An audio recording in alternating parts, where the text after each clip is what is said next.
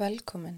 Nei, vildi þú byrja kannski? Nei, nei. Nei, Það er best ok. að þú byrja bara. Ok, svo kemur þú alltaf tjeimar en eftir. Hæ. Já. Já. Þetta var fyndið. En velkomin í Má ég eiga við í morð? Já, sælöll sem er. Herðu, við Erum erum við að... kannski að kynna okkur, við kynnum okkur aldrei. Já, já. Ok, ég heiti Sara, þetta er Sara sem er að tala hérna. Já, þetta er hekla hérna. Halló. Já, hæ. Hæ. Já, við sem sagt erum að taka þetta intro upp fyrir viku síðan. Já, Þannig að það er ekkert nýtt í fréttum með okkur. ekki séðan seinast. ekki séðan seinast í viku. En Eh, Jú, hvað gerist á þessum uh, tveim myndum? Eftir að við tókum upp hitt eindróið. ég las bara hvernig ég ætti að þvoða lissópeisuna mína. Já. Og ég kroppaði helsari mitt. Já. Það góð sí. Það er gott að... Það er svo gott að kroppa. Já. Þegar það er orðið svona alveg, skilju. Og Mhm. líka bara, að það er ekki sár undir lengur. Já. Þetta er bara svona rauð Ó. húð einhvern veginn. Þá er ég bara plaka, plaka, plaka. Það er svona í, sko. ég ætla að byggja með tang til fyrir heim. Ég elska allt svona, sko. Tásur og, og, og sár og marbletti og fæðingabletti. Eyru og eyrnamark. Já, allt. Ég skildi ekki, sko. Eða þú veist, ég elska að gert eiru og eyrnamerk. En ég, ég tek það hjá gamla fólkinu og, og, og á sambylinu, sko. Já. Og, og, hór og allt bara. Bara Já, hanskar auð, og... já, auðvitað. Já. En svona, þér finnst tær voða skemmtilegar. Já. Þú, það er alveg svona, og, já, Og ég er alls ekki með fetti, sko. Það er bara, enga veginn myndi ég sleikja tásu. nei. En þér finnst bara gaman að klippa og kroppa Já, gera ég- þær fullkomnar. Já, ó, dásamlegt sko. En já, ég er hérna með Henry Lee Lucas í dag. Þetta er mjög merkilegt mál, finnst mér, og ég lá yfir þessu sko. Já. Það var mjög skemmtilegt að heyra. Já, og þú alveg sögst inn í því hann hérna. Bernie. Nei. ekki Burn. Nei, hérna, ó, vá, Túl. Já, Otis Túl. Ottist Túl, Já. já. Mér finnst það svo hérna. Merkilegu gaur sko. Þú ætti kannski að taka hann einhver tíma bara. Já, ég er alveg til í það. Fá hans hlið af þessu sko. Oh my god, já. Nei, var það samt ekki að það var eitthvað svo lítið um hann? Jú, það er rosa lítið um hann. Ég Já. tók eitthvað fram, fattaru. Já, sagði alveg eiginlega allt sem að ég fann Mhm. en ég reyndi samt að hafa það stutt þú veist að þetta var meira um Henry sko. já, já, já, já. en Já, já, herru, ok Sara, já, má ég eiga við um orð? Alltaf.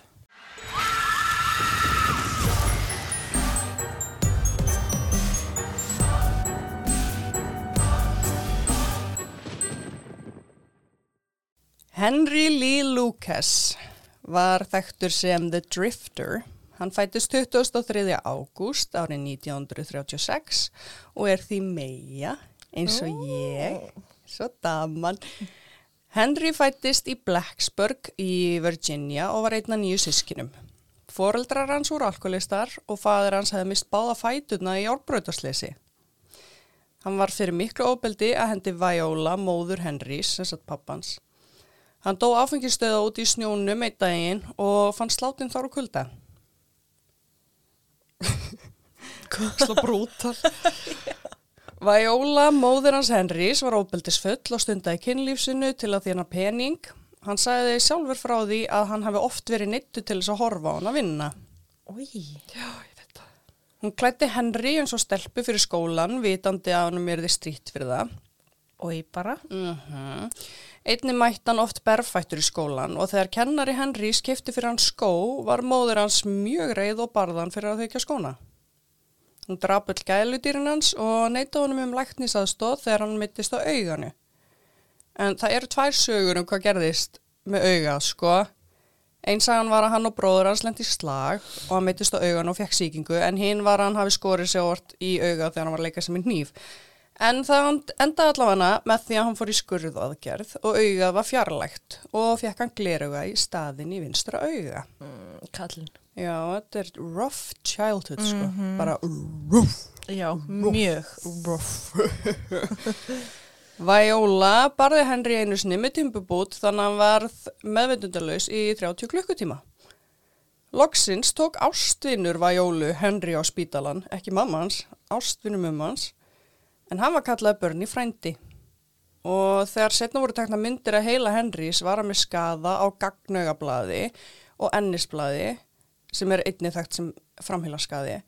Og þessi samblanda af skaða á að vera versta samblanda af heilaskaða sem til er.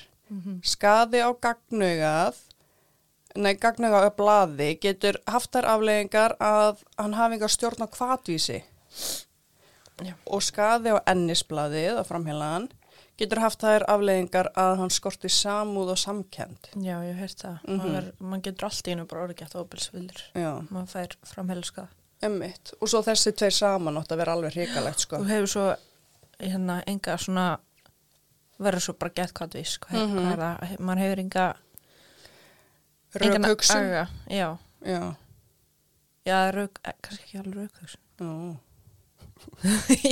Þú veist, ég er alveg með hvað við síðan að tala um raukhugsun. Já, já, ég veit ekki hvað þú ert að leita. Eða svona, já, ok, já, það er bara það er allavega er, erfitt fyrir mann að halda aftur á sér. Já, já, algjörlega, sko. En Bernie frændi kendi Henry að pynta og nöðga dýrum og svo hvernig að drepa þau eftir það. Ég var að fara að segja Bernie Svo bara, oi Fuck no, sko. Herðu, í mars 1951 þegar Henry var 15 ára hitt hann stelpu að nafninu Laura Burnsley. Hann vildi stunda kynlíf með henni en hún neitaði. Þá kýrt hann hana til dauða og jarðaði hana í skógin á lægt Harrisburg, Virginia. Býtu, hvað var hann gammal? Hann var 15. Uh, Ekki komst upp um hann þá en hann játaði klæpin setna. Þremur árum setna var hann dæmdur fyrir nokkur innbrot og satt inni í fjögur ár fyrir það. Henry strauk úr fangilsinu á þessum tíma en var fundin eftir þrjá daga og var fangilsisvistin hans lengt þá um tvö ár. Herði, það var svo, svo ísi að strjúka í gamla daga, ég skil þetta ekki. ég skil það ekki heldur Hvað? Þú gætir þetta aldrei í dag, sko.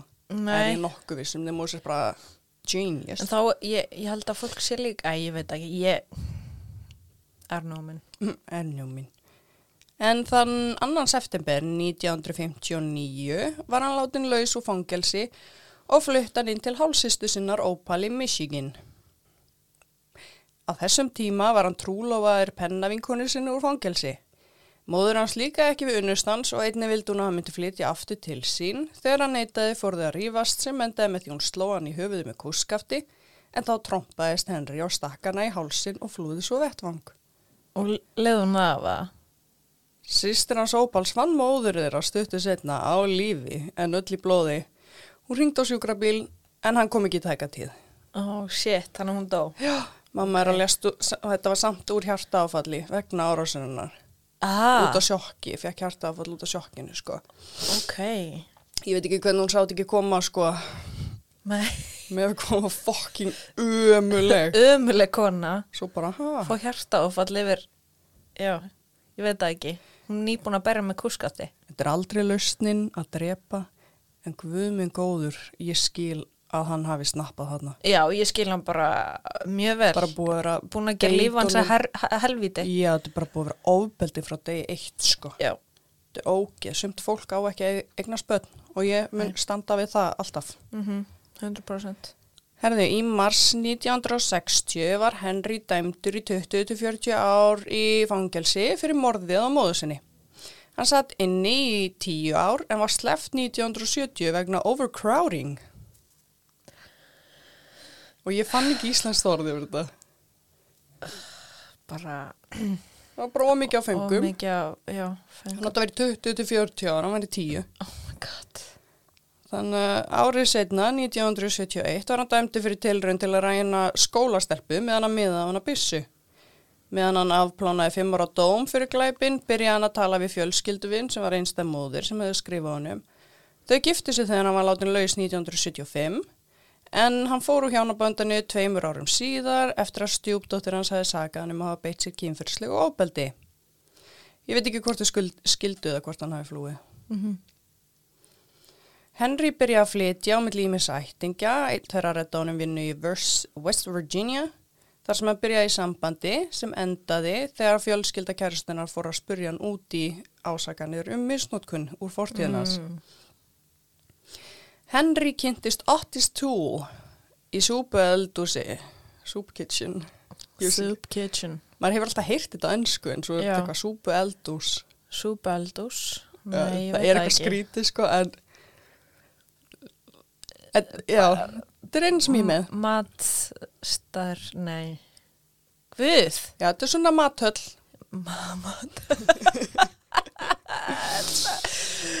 Herði, já, þetta var 1975. Nei, 76. Þetta var 1976. Þeir urðu fljótt elskendur. Bæði Henry og Toole höfðu verið aln upp af óbeldisfullum mæðurum sem höfðu neitt sinni sína til að klæða eins og stelpur. Báðir. Pælti að finna þetta trauma bond. Býtu, þetta eru tveir strákar Já, sem að voru, vá, hver eru líkunar? ég veit það. Báðir neittir bróta einhver ofbeldis hérna að klæða sig sem stelpur. Fáraleg. Stelpuföt. Já. Og ég bara, þetta, er- þetta eru örgulega bara, þú veist, bara Já, bond, já, sko. ógislega sterk bond. að ég þekki trauma bond og þau verða sterk sko. Já, en þetta en- er bara eitthvað sem þú, finn, þú finnur engan annan, það er enga líkur á að finnur einhvern annan Sem að hefur bara lent í nákvæmlega þessu. Þetta er svo rosalega specific. já, þetta er alveg merkilegt sko. Báðir höfðu orðið fyrir kynfyrirslegu ofbeldi fyrir tíu ára aldur og þegar þeir hittust voru báðir nú þegar morðingjar Ha? Hinn líka? já, Oh my god. Það byrju, hva, hvað er báðir þeir? með ógisla fortíð Já, þú veist, ekki það að það réttlæti eitthvað fattarðu, nei, en já, en vá, þetta er bara, he met his match. ég veit það Vá. En ég ætla að segja þér eins frá honum Otis Toole. Ok, Þú veist, að því að mér finnst hann líka merkilegu karakter og hann kemur svo lítið inn í söguna samt á eftir hann og þarft ekkert eitthvað. ok, ég er samt til ég að heyra. Já, en Toole var fættur og uppalinn í Jacksonville, Florida og fadir Toole var alkoholisti sem yfirgaf hann en móður hans klætt hann í stelpuföt og kallaði hann Susan. Sem ung barn var hann fórnalam kínferðisofbildis og þingar að sifjaspella af hendi margra náina ættingja og kunningja, þar á meðar eldri systir hans og nágrana í næsta húsi. Hann lísti yfir að ammans í móðurætt væri satinisti sem, kynnt, sem kynnt hann fyrir ýmsum satanískum venjum og helgisiðum í æsku sinni. Þar meðtalið gravarán. Veistu hvað það er? Nei, hvað? Það þýðir að grafa upp líkistur og ræna... Í- Grave digging. Í, nei, þetta er samt hérna... Nei. Að ræna verðmætum. Já, Já, úr, úr gröfum. Já, já, já. Er já. það ekki grave digging? Jú, að því að svo er líka eitthvað það sem þú ert að taka eitthvað af líkinu, sko. Og það heitir eitthvað annað, ég held að það væri kannski að rugglast að því. Nei, grave robbing. Nei, ég veit ekki. Já, þetta er eitthvað svona, Já, eins og, í- hérna, eins og í Wednesday. Ég hef ekki séð. Nei, ok. Ekki? Nei, Þú ég hef var- ekki séð neitt, Sara. Þú verður að horfa. En já, það þýðir að grafi upp líkistur og ræntu verðmætum hlutum af þeim látnu eins og skarkripum. Túl held í fram að þessi misnóðkun hafi byrjað þegar hann opinberaði fjölskyldu sinni um samkynneið sína. Túl var oft flokkaður með væga greindarskerðingu, hann var með greindar hlutfall eða IQ upp á 75. Hann var einnig með flogaveiki, alla æsku túl hljópan ofta heiman og svaf oft í yfirgefnum húsum. Hann var rosalega hrifin að eldi og var kynferðislega vakin af eldi. Ó, ég hef aldrei heyrt um það. Nei, Eldur. hann Var var, hann þá að brenna sig að... nei, líka bara að horfa á hann. Nú, Það var bara rosalega að kveikti í honum. ok. Ég veist ekki Kveikti eldur verið í svona honum. sexy. Kveikti svo þetta ekki í honum. Þetta var léleg. Þessi var, nei, þetta var gott þegar hérna. Að þú reyndir þetta ekki. Já, allavega. Í heimildarmyndinni Death Diploma sagði Túla að hann hafi verið neittu til að stunda kynlíf með vinu föður síns þegar hann var 5 ára.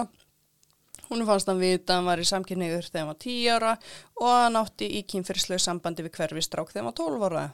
Túl hætti skóla í nýjönda bekk og fór að heimsækja homabari. Hann sagðist einni hafa farið í kynlífsvinnu sem úlingur og að hann hafi orðið heldtekinn af homaklámi. Túl sagði að hann hafi framið sitt fyrsta morð 14 ára. Eftir að sölumæður hafi bóðið upp á kynlíf, kerði Túl á sölumannin með eigin bíl. 14? Já, mér finnst skrítið að hann átti bíl, sko. En Túl var fyrst handtekinn 17 ára að aldrei.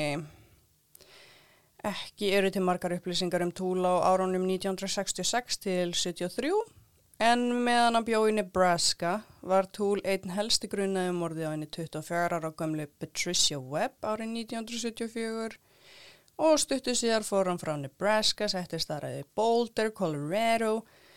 Mánuði síðar var það hann helsti grunaði um morð á henni 31 árs gömlu Helen Holman árið 1974 með mörgum ásökunum á hendur. Fór Túl frá Boulder og helt aftur til Jacksonville. Þetta var eitthvað sem þurfti ekki endilega að vita, en En ég ránaði að ég veit þetta. Já, en þann 14. janúar 1976 kvæntist hann 25 ára eldri konu og hún yfirgaf hann þreymu dögum síðar eftir að hafa uppgötað samkynhegðans og Túl sagði síðar í viðtali að hjónabandans hafi verið alf, aðferð til að leina samkynhneið sinni. En nú aftur að Henry og Túl, þeir voru byrjaði saman. Og þeir fluttu inn til foreldra Túl og byggu þeir saman þar. Á þessum tíma var það mjög náinn hann Henry, unglingsfrængu Túls, henni Becky Powell. Ég veit ekki hvað hann var gömul þegar þau kynntust eða hvað sambandið þeirra var langt, en hún var 15 ára þegar hún fann sláttinn. Og hann var 39. Nýja.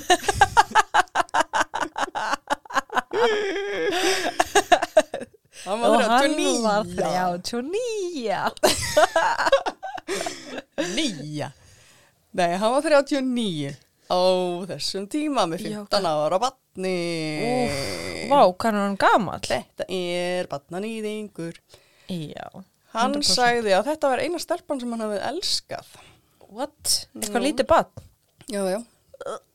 Já, ég veit að þetta er við bör.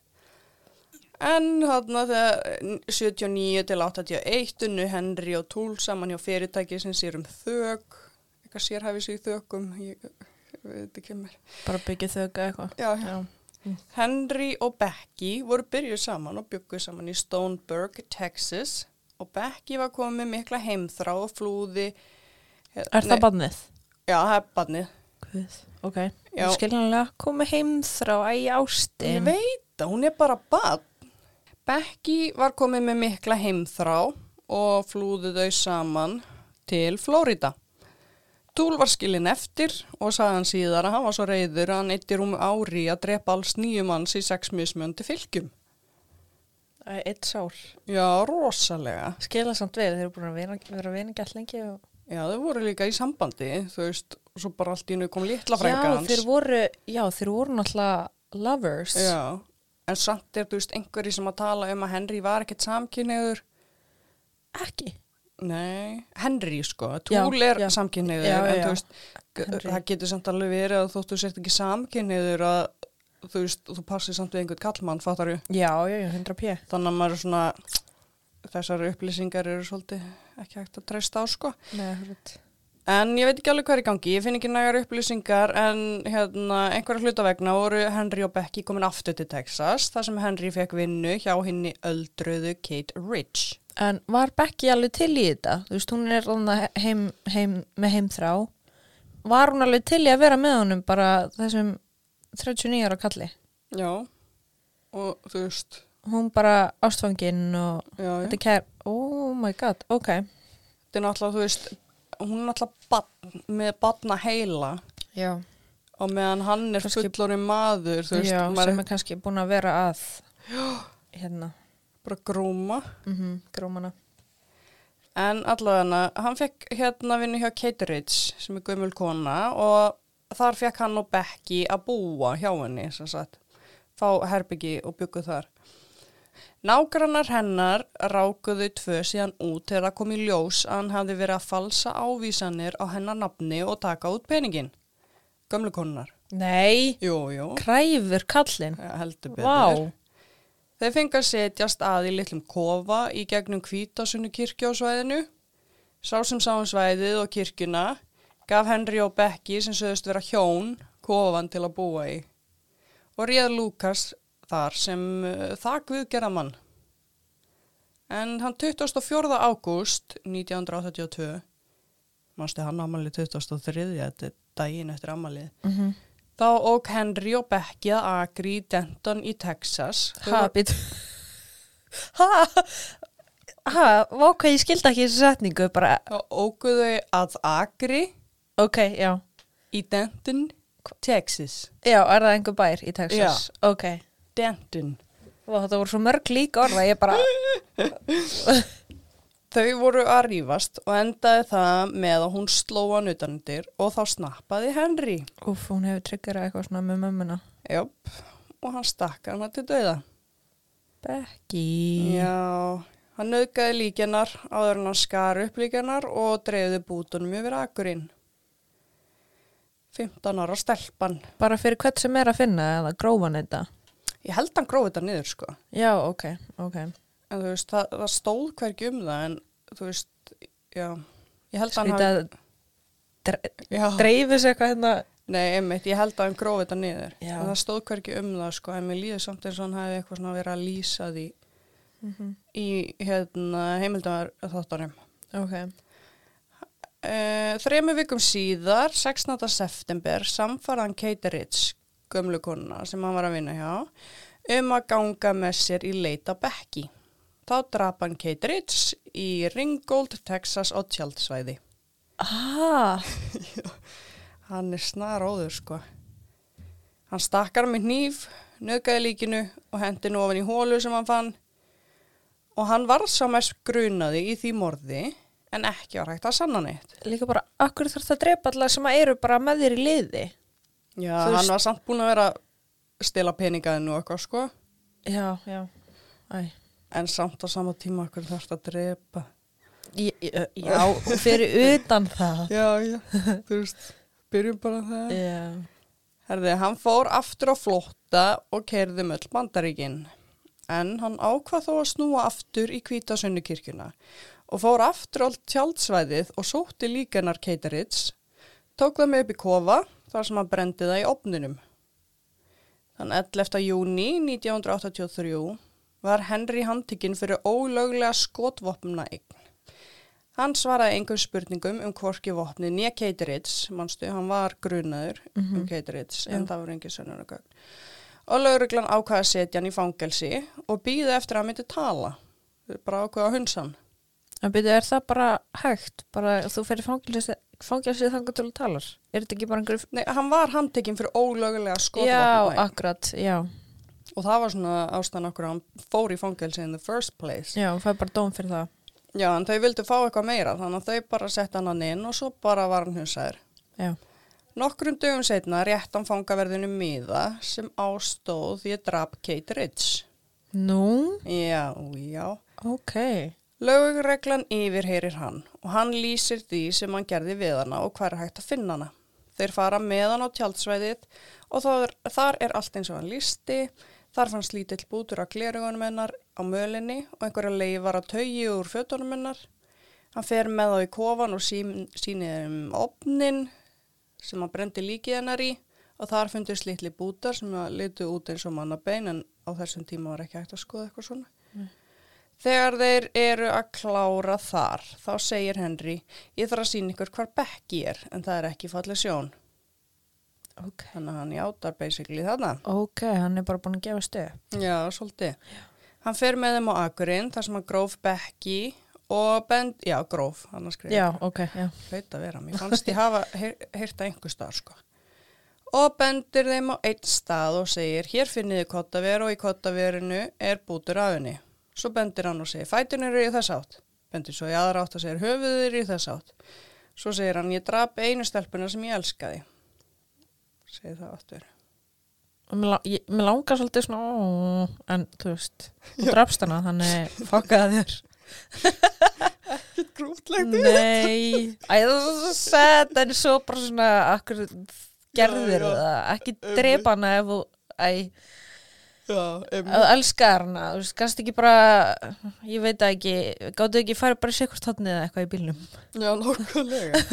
Þetta er ekki svo flókið, sko. Nei, Þegar hann fer fyrir dóm á morði Keiteritz spyr dómarinn Henry hvort hann skilja hann sé, að sé verið að dæma hann fyrir morð. Og hann svara því átandi og svo allt í hennu segir hann en dómari hvað er að gera við hínar hundra konurnar sem ég hef myrt? Ha, eftir undrað mm trúur þessu já, en samt að hundrað konur. Mm vá. Þú veist, já, fólk fólk, veist, fólk heldur að Ted Bundy hafi verið slæmur. Einmitt. Svo koma gæjar eins og þessi bara, ha það var akkurat verið alltaf að líka hann við Ted Bundy hann væri bara eitthvað krútlegur á með við þennan hver sko. Að Ted, já, já, já. Hann væri bara eitthvað dúlla sem maður vissi ekkit hvað hann var að gera á með við hver sko. Oi bara. Uh. en, en, en, er hann hérna túl, er hann bara úr sögunni? Hann er bara, já, hann kemur eitthvað setna já, ok. En þú veist, það er ekkit með hvernig það endar fyrir hann sko. Nei. bara hvernig hann kemur inn í eitthvað smá tengt honum. Já, já, já, En eftir það fór allt af stað. Henry var dæmdur segur fyrir morðið á Kate Ritz og Becky Powell og þá var hann dæmdur í lífstíðadóm. The Texas Rangers, eins og þú voru kallaðir, það var lauruglu deild í Texas. Og þeir sáum yfirheyslur til þess að rannsaka þessi hundra mál sem hann lendi. Og Phil Ryan átti að yfirheyra Henry og komast í botna á þessum málum. Hann rétt honum blað og blíjant og segði hann að skrifa allt niður sem hann myndi. Hann byrjaði að tekna myndir á konum og við hlýðin á lísti hann því hvernig hann myrti þær og í hverju þær voru þegar hann draf þær. Svo voru myndina sendar áfram á þau teimi sem sáu mál á þeim stöðum sem morðin voru framinn. er svo myndið til einhver staðar að Já, það var alveg helling í hérna, þáttunum sko, oh my god en þú veist, þetta er ekki það góða myndir, þetta er bara smá skett sko, en þú veist, Já, svo já. stendur bara eitthvað, þú veist, í hverju það voru og eitthvað. já, ok, og ég var að sjá svo myndir Já. Phil Ryan sagði að það var mjög erfitt að hlusta á hann tala um morðin og þurfti að neyða sig að mæta í vinnu á þessum tíma. Phil heyrði í Sheriff Jim Boudwell og hann er key leikmæður hérna, Sheriff Boudwell. B Boudwell, Já. ok Boudwell ég er rætt Ó, það er reikalið. Það var góð. Herru, já, Jim Barwell sem var búinn að vera að rannsaka nokkur morð á vegi millir Dallas og Austin, þetta einn vegur þar sem að höfðu fundist nokkur lík en engar vísbendingar. Hann held í fram að þetta væri raðmóringi sem höfðu dreipið þau öll og held að það geti verið Henry. Þannig að Sheriff Barwell fekk heimil til þess að sækja Henry og færa hann í fangelsi sem hann vann í í Georgetown. Þar fekk hann leifi til að fá heilt teimi til þess að aðeins að rannsaka morðin hjá Henry. Það var gerði lítil skrifstofa í fangelsinu sem var opin sími fyrir lauruglu stöðvar frá öllum fylgjum sem voru með ólist morðmál og vildu fá að tala við Henry og komast að því hvort að hann hefði framið þau. Af Því að hann var náttúrulega búin að vera, hann var kallaður The Drifter að því hann var að keira út um allt já, og hann var að, hann sagðist hafa myrt í hverju steiti sko, eða næstu því hverju. Oh ekki öllum samt en einnig var gert lítið yfirheyslurými sem var bara lítil skrifstofa hann inn, á, inn í fangelsinu þar sem þeir gáttu yfirheyrt Henry. Þar settist þeir niður og töldu upp ólist mál og fórnalömbunum og spurðu hvort hann hefði átt í hluta á því morði. Það myndaði spiðlisti til þess að fá að ræða við hann oh my god Mm -hmm. Lörglustöðu var allstaðar frá voru að panta tíma til þess að tala við hann og byðin var orðin 1-2 mánuður á tímapunkti. Eftir þennan tíma var hann búin að játa yfir 300 morð. ha What? ok, hvernig hef ég aldrei heyrt um hennan gæja Ég veit ekki. 300 morð Mhm. og er þetta bara það er bara ennþá bara staðfæst bara hann draf þessi 300 manns Ég, það kemur í ljós. já, ok Og sagði hann að Túl hafi verið í 108 þeirra. ha, Það er hann að vinurinn. ok, Hann hafi hjálpað honum til, eh, hjálpað til með 108 mór. en býtu, hvað voru þeir vinnir slags lovers lengi? Hva, hvað þekkturist þeir lengi? Þeir kynntust í Soup Kitchen hvort það var 76 eða eitthvað. Hvað er þið gamli þá? Mjög góður að spyrja allt og erfiða spurninga. Sorry. Þú veist hvað, 40, hann er færtugur. já, var hann færtur þá? Já. Og þetta er, þú veist, Þá er hann, já, þetta er að gerast 82, þú veist, þetta er bara einhver 6-7 Já. ár ok. sem að þeir þekkjast og eru af. Ó, ok, já, ég skil. Þannig að þetta er langur tími þarna, sko. Mm En þegar að Túl var yfirheyrður, játaði hann að hafa tekið þátt í morðunum. Hugh Ainsworth, þetta er líka key player, hann var bladamaður og rithundur og hann var búin að eigða síðustu fjórum árum í að taka viðtöl við Ted Bundy og gaf út bók um Ted Bundy. Þannig að hann var mjög virtur sko og Sheriff Badwell var búin að lesa bókin hans og sagði að hann mætti koma hvena sem er og tala við Henry sem hann gerði. Þegar Hugh byrjaði að mæta og taka viðtöl við Henry fekk hann leifi til þess að koma með Japans kvikmyndakrú til þess að dokumenta viðtölin. Ok. Já, bara inn í fangelsi að tala við morgja. Sheriff Boudwell fannst það mjög spennandi. Kvikmyndakrúi kom meira að segja með gjöf til hans með vassmálingu og penslum. Hugh byrjaði að kynnast... það var alveg fáralegt, sko. Kjút, gjöf, bara, heyrðu, takk fyrir, hérna, hérna, hérna máling og penslar. Já, svo töluður er ekki einu svona ennsku, svo er það með túlkan á milli, sko. Og bara, hérna, hérna er þetta, Já, þetta er svo skrítið. Það var pakkað inn, sko. Þú veist, var hann alltaf, alltaf að mála eða eitthvað, var þetta einhver málari? Já, hann greinlega, þú veist, það var ekki tekið fram en svo í lokin hérna 98 þá var akkurat eitthvað klippa af honum í myndinni þar sem hann var að mála. Að- Nei, hættu. Þannig kannski var þetta eitthvað Ok. eitthvað áhuga mál. Já. Kvikmyndakrúið kom að meira segja með gjöf til hans með vassmálingu og penslum. Já. Elska það. Hugh byrjaði að kynnast fortíðin hans Henry, svo byrjaði Henry að treysta Hugh spurði hann hvað fær hann til þess að ræna konu og drepa hana. Hann svaraði því með því að segja ég bara hata konur. Hugh sagði að þegar hann var búin að eða miklum tíma með Henry, það fannst honum hlutinir ekki alveg meika sens. Hann sagði frá því að einn japansku maður í kvikmyndakrúinu hafi sagt þú er bara búin að fara út um allt. Þá sagði Henry, já ég hef líka verið í þínu landi. Ha? Þá hafi einhver spurt, Já, hvernig ok. komstu þanga? Þá hafi Henry svarað, nú ég kerði þetta. Æ, elsku Henry. Þegar, já. þegar þeir voru bara tveir, einir, þá sagði Henry, ég gerði ekki alla þessa hluti. Ég Ah. bara búið þetta til, ég tala við þið setna. Oh my god. Af hverju, af hverju, af hverju er fólk að játa á sig glæpir sem það hefur ekki framið Þú veist, og þá er ég ekki að tala í sem er svona pressu svona, það sem það er bara pressa á fólk til að játa ég er að tala um þetta eh, fólk sem að ég veit það ekki, kemur bara fram og bara heyrði, ég gerði þetta, þetta og þetta og það var enginn að byggja um það Já, það er vanalega ástæða því að þú gerir ekkit án þess að sé eitthvað í því fyrir þig. Þú færð alltaf eitthvað win, það er ástæða okkur og þú gerir alltaf eitthvað. Já, og hvað er þetta win? Það er ekki eins og mannski segja að fara að komast hraðar út Nei, þú veist, kannski ert að bjarga einhverjum sem þið þykir væntum, kannski ert að fá aðtekli sem þú er ekki fengið, kannski ert, þú veist, eitthvað svona. Já, Það er alltaf eitthvað win, sko, en stundur bara að fatta fólk ekki að tapið er stærra en winnið, sko. Já 100% Guð minn Já. Ég En þú tala fær- við þig seinna Já, svo bara fór hann og hann Ha. hjú bara, Oh my god svakalegt, hann var líka fyrsti sem hann sagði þetta við, sko. Shit En þú kannski skilur í næsta þætti af hverju hann haga sér eins og hann er, kannski ekki, ég man ekkert hvað ég skrifaði. Þannig að bara see you for part two. Nú, ok, já, við sjáumst í partu Um, bye. Bye